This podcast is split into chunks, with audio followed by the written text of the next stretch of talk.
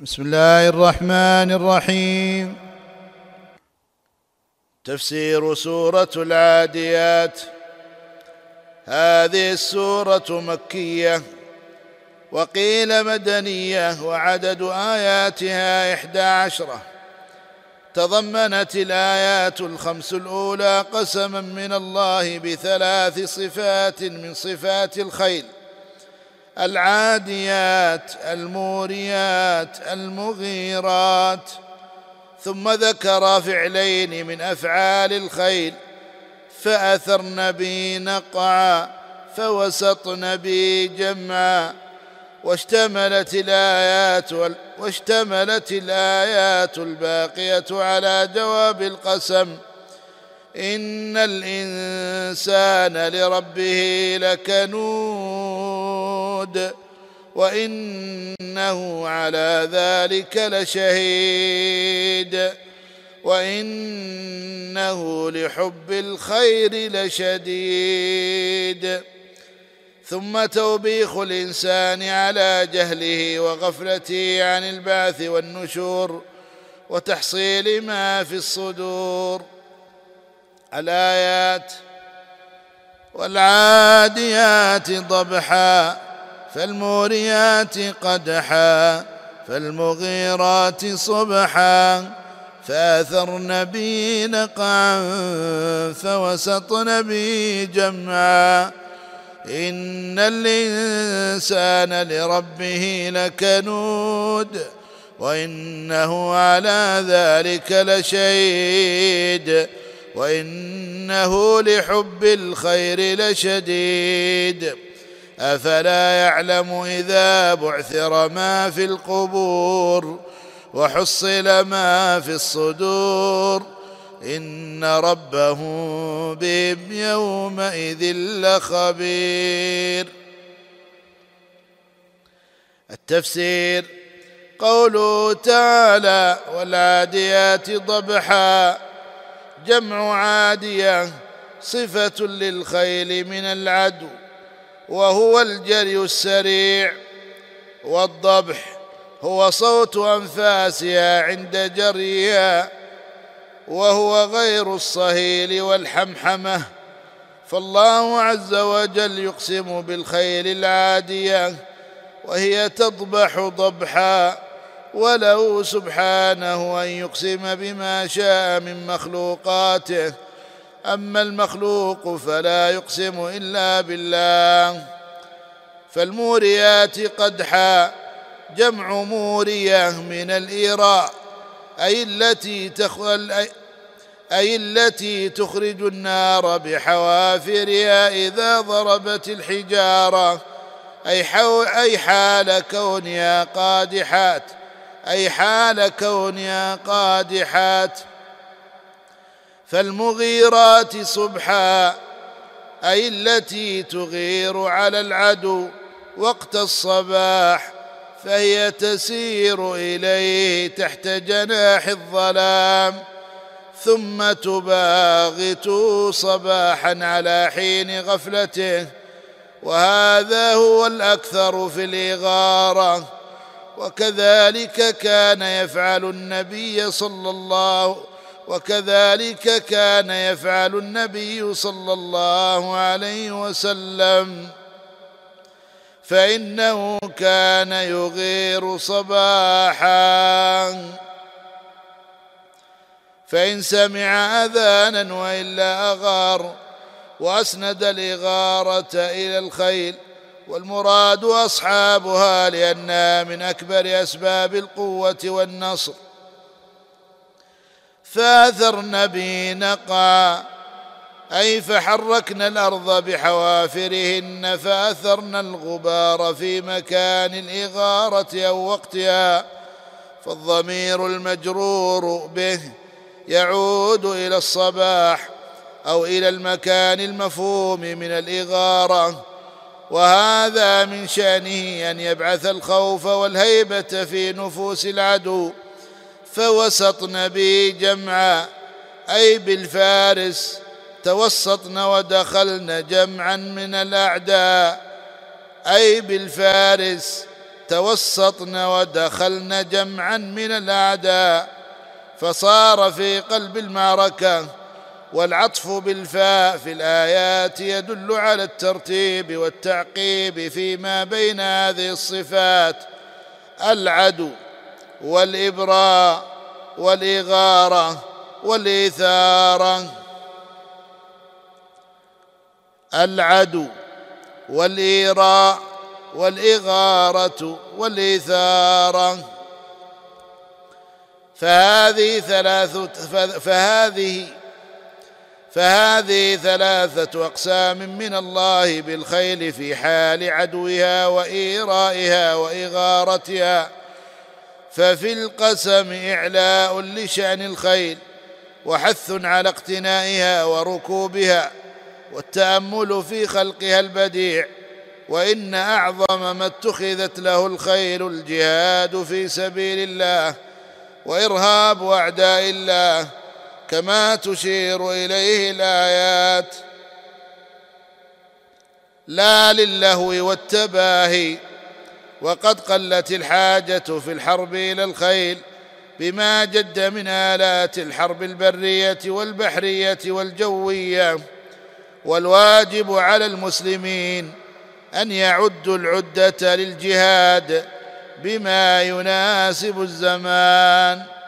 قال تعالى واعدوا لهم ما استطعتم من قوة ومن رباط الخيل. ترهبون به عدو الله وعدوكم. وقال صلى الله عليه وسلم الخيل معقود في نواصيها الخير الأجر والمغنم إلى يوم القيامة. الخيل معقود في نواصيها الخير الأجر والمغنم إلى يوم القيامة. وذهب بعض إلى أن المراد بالعاديات الإبل والأول هو قول الجمهور من أهل التفسير واللغة والأول هو قول الجمهور من أهل التفسير واللغة كما يقول أبو حيان. وجواب القسم قوله إن الإنسان أي جنس الإنسان لربه لكنود أي لكفور مبالغ في كفره لنعمة الله أي جاحدها إلا من هداها الله جاء أي جاحدها إلا من هداه الله. قال تعالى وقليل من عبادي الشكور. واسم الرب هنا أوقع لأن الربوبية تقتضي من المخلوق الشكر لا الكفر وإنه على ذلك لشهيد أي وإن الإنسان على كنوده لشهيد بلسان الحال. وهذه الشهادة أبلغ لعدم احتمال الكذب في شهادة الحال والمراد أن أعماله في الدنيا تشهد عليه بكفره كما قال تعالى في المشركين شاهدين على أنفسهم بالكفر. وقيل إن الضمير في قوله وإنه على ذلك لشهيد يعود إلى الله اي وربه شاهد عليه. وفي هذا تفكيك للضمائر ولذا فالصحيح هو القول الأول إذ تعود الضمائر في هذه الآيات إلى الإنسان وإنه لحب الخير أي المال لشديد أي قوي مبالغ في حب المال. أي قوي مبالغ في حب المال. وهذه الآيات الثلاث هي جواب القسم. فيكون الله عز وجل أقسم بثلاثة أشياء على ثلاثة أشياء. فلا يعلم الإنسان أفلا يعلم الإنسان إذا بعثر. أي, أي أثير وأخرج. ما في القبور من الموتى للجزاء والحساب. وهذا كناية عن البعث والنشور. كما قال تعالى وإذا القبور بعثرت. وقوله وحصل ما في الصدور. أي جمع وأحصي ما في قلوبهم من خفايا أعمالهم ورأوه عيانا بين أيديهم. أفلا يعلم الإنسان ما يكون عليه حاله يومئذ وما ينزل به من عذاب الله. فالاستفهام للإنكار والتهديد. ومفعول يعلم محذوف دل عليه السياق وخص الصدر لأن فيه القلب الذي فيه النوايا والخفايا وهو موضع السريرة والحساب يوم القيامة يكون على ما في القلوب كما قال تعالى يوم تبلى السرائر. فما له من قوة ولا ناصر. وقوله إن ربهم بهم يومئذ لخبير. أي يومئذ بعثر ما في القبور وحصل ما في الصدور. لخبير أي عليم ببواطنهم وظواهرهم.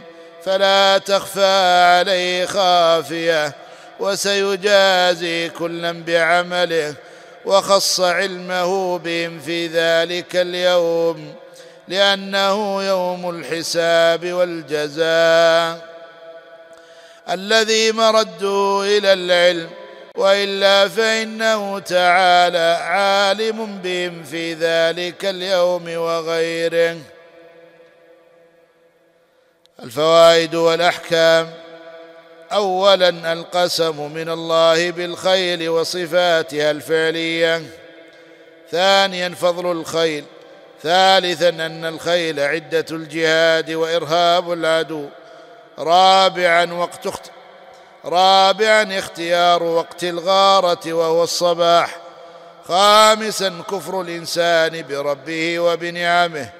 سادسا شهادة الإنسان على نفسه بلسان حاله. سابعا محبة الإنسان للمال. ثامنا ذم الإنسان لغفلته عن اليوم الآخر.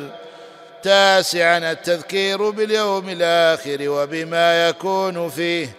عاشرا إثبات البعث والجزاء. الحادي عشر التذكير بخبرته تعالى في ذلك اليوم بحال عباده. الثاني عشر إثبات علمه تعالى بالجزئيات والرد على الفلاسفة. الثالث عشر إثبات الربوبية العامة.